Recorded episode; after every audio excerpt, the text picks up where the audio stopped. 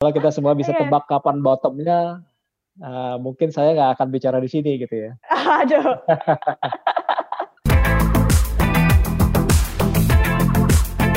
Eee, Pak Antoni, eee, saya mau tanya, eee, melanjuti pertanyaan Alen, melihat jenis atau kelas asetnya, investasi mana sih yang bisa, eee, naik melesat paling cepat setelah pemulihan ekonomi pasca COVID-19 ini, Pak? Ya. Kalau kita bicara, eee, kelas aset, Gadis, eee, di pasar modal memang secara historikal, eee, setelah masa krisis itu memang saham, eee, adalah salah satu kelas aset yang kenaikannya biasanya cukup pesat. Nah, eee, ketika kepercayaan investor terhadap kondisi ekonomi sudah mulai tumbuh, saham tuh cenderung akan mengalami kenaikan yang cukup signifikan biasanya. Tentunya kalau kita lihat dari 4 kelas reksadana, eee, terbuka yang ada di Indonesia, reksadana saham inilah makanya, eee, dengan underlying saham yang bisa, eee, mengalami rebound yang cukup cepat. Eee, dan tentu saja, eee, kalau kita tadi analisa, eee, GDP, eee, angkanya kena hit lebih besar, biasanya yang lebih besar kena hit, lebih besar lebih cepat rebound-nya. Jadi secara natural reksadana saham juga yang kinerjanya paling buruk kan, eee, year to date. Jadi, eee, yang akan mengalami rebound cukup cepat, eee, saya kira akan reksadana saham. Nah, tentu saja, eee, situasi Covid ini cukup kompleks ya, eee, kita tidak tahu, eee, akan berapa lama, eee, jadi, eee so far penurunan IHSG yang berdampak negatif pada kinerja reksadana saham, eee, kita harus lihat, eee, seberapa cepat, eee, COVID-19 ini berlalu, eee, dan apa, untuk investor-investor tertentu tentu saja harus, eee, balik lagi, dianalisa, profil risiko masing-masing, bi lebih agresif, of course porsi reksadana saham bisa lebih ditingkatkan. Nah, namun yang saya bisa bicara fakta sekarang adalah, eee, indeks kita IHSG berdasarkan valuasi saham-saham yang ada di sana, eee, levelnya sekarang sangat murah. Eee, menurut model kami, ini sekarang, eee, price to earning ratio-nya berada, eee, di bawah 3 standar deviasi, eee, dari rata-rata selama 5 tahun terakhir. Sehingga potensi keuntungannya, eee, bisa, eee, dinikmati oleh investor-investor yang memiliki risk appetite lebih tinggi. Oke Pak Antoni, tadi kan terkait Mbak Gadis kan ngomongin soal kayak, eee, terkait dengan saham, kalau saya sih lebih ke reksadana saham. Nah, bagi investor yang mungkin tidak terjun langsung nih untuk eee, berinvestasi di saham pasar modal kan bisalah memilih alternatif di reksadana saham. Nah, karena sebagai reksadana saham kan rata-rata acuan kita adalah IHSG Pak, bener nggak? Nah, Ya. eee, since YTD, eee, kita mengetahui bahwa indeks saham IHSG kita itu minus. Dari sini Pak Antoni boleh nggak memberikan trik atau tips kayak kapan sih bagusnya investasi di reksadana saham? Apakah sudah lewat? Apakah ini masih momen kesempatan yang bagus bagi investor yang ingin masuk ke reksadana saham? Dan menurut Bapak sendiri, kira-kira reksadana rek reksadana saham sendiri bangkitnya kapan gitu? Ya. Eee, pertanyaannya sebenarnya sangat kompleks ya, Ale. Kalau kita semua bisa Iya. tebak kapan bottomnya, eee, mungkin saya nggak akan bicara di sini gitu ya. Aduh. Ya Ah, kan, tapi kalau tapi ya, eee, serius serius, eee, jika, eee, kalau kita lihat, eee, tadi saya katakan tentang saham yang Hmm. valuasinya itu sudah berada lebih dari di bawah dari 3 standar deviasi. Benar. Maksud saya, jadi reksadana saham yang notabene tugasnya memang, eee, mengelola kita kelola bagaimana berinvestasi, reksadana saham kan memang instrumen-instrumen yang bisa dibeli semua saham-saham ini.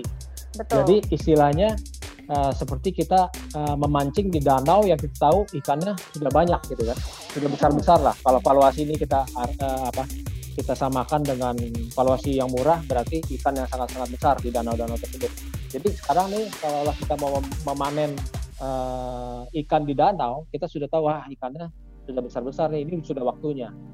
Nah, namun di danau itu banyak buaya misalnya kan, bagaimana Wah, caranya gitu. oke. Nah, analoginya seperti itu. Nah, eee, Hmm. dalam bahasa investasi mungkin volatilitasnya yang kita tidak bisa prediksi, betul kan?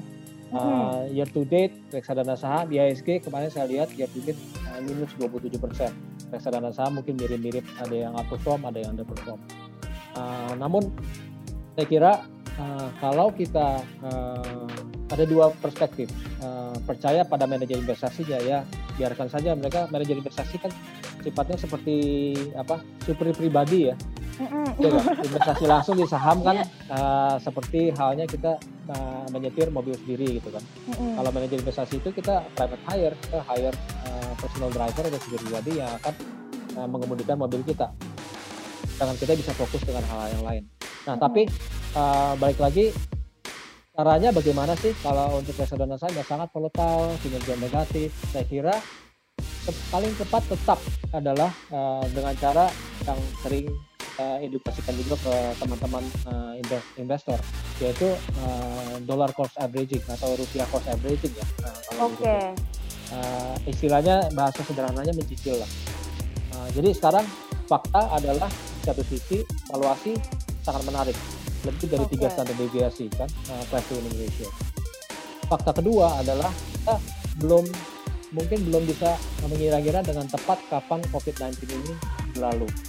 Hmm. Dalam kedua apa variabel tersebut, jika seorang investor memiliki time horizon yang panjang dan apa dua tahun, tiga tahun, empat tahun, lima tahun ke depan, uh, saya cukup yakin uh, bahwa saham-saham yang dibeli ini akan uh, menghasilkan return yang cukup baik lah uh, untuk kita semua. Saya pribadi pun melakukan juga. Jadi saya uh, apa I put my mouth where my money is ya. Jadi hmm. uh, selama ini IISG bergerak uh, nurun ini saya juga pelan-pelan mencicil dan membeli.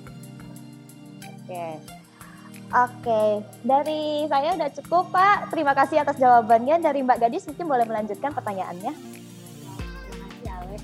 Uh, Pak Antoni, uh, bagaimana Trimegah mengatur kebijakan investasi ini agar memberikan hasil optimal bagi para investor Pak? Ya, um, thank you gadis. Uh, kita di Trimegah yang pertama adalah uh, dalam memanage uh, reksadana saham atau reksadana lainnya kita selalu meng, mengutamakan prinsip kehati-hatian. Uh, jadi yang kita lihat sekarang adalah um, market memang banyak uncertainty ya uh, karena COVID-19 itu tadi saya katakan uh, tidak adalah yang sekarang hidup pada generasi kita ini pernah mengalami. Jadi konteksnya ini uh, bisa berlangsung lama, tapi insya Allah ya mungkin summer ini juga ada kemungkinan meskipun seberapa kecil pun kemungkinan ya uh, ternyata selesai seperti saat di tahun 2003. Nah kita di Terima Aset selalu uh, mengelola keuangan ini dengan uh, selalu uh, mengentaskan beberapa skenario.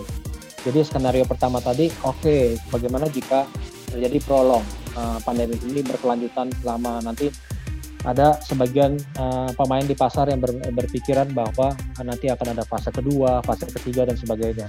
Nah, kelihatannya mereka melihat ke pelajaran uh, Spanish flu ya, pandemik uh, Spanish flu di tahun 1918 1920.